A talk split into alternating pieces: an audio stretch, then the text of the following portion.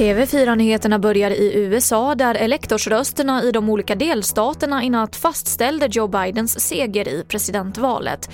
Även flera republikanska senatorer erkänner Bidens seger och förkastar Trumps idé att stoppa det formella godkännandet av valresultatet i kongressen den 6 januari.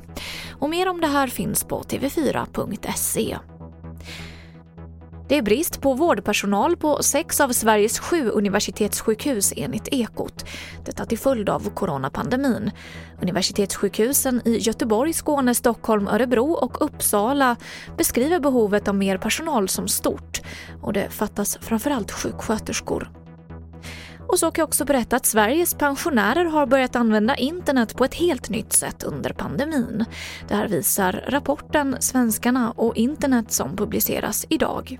Vi ser till exempel på Instagram att den gruppen som växer snabbast nu är just pensionärer. Så jag tror att eh, de här äldre användarna kommer ansluta sig till alla de tjänster som finns där ute och börja upptäcka hur de ska göra dem till sina. Eh, det kan väl dyka upp pensionärer på både TikTok och Snapchat framöver. Det sa Måns Jonasson som är digital expert på Internetstiftelsen. Och det var det senaste från TV4 Nyheterna. Jag heter Emily Olsson.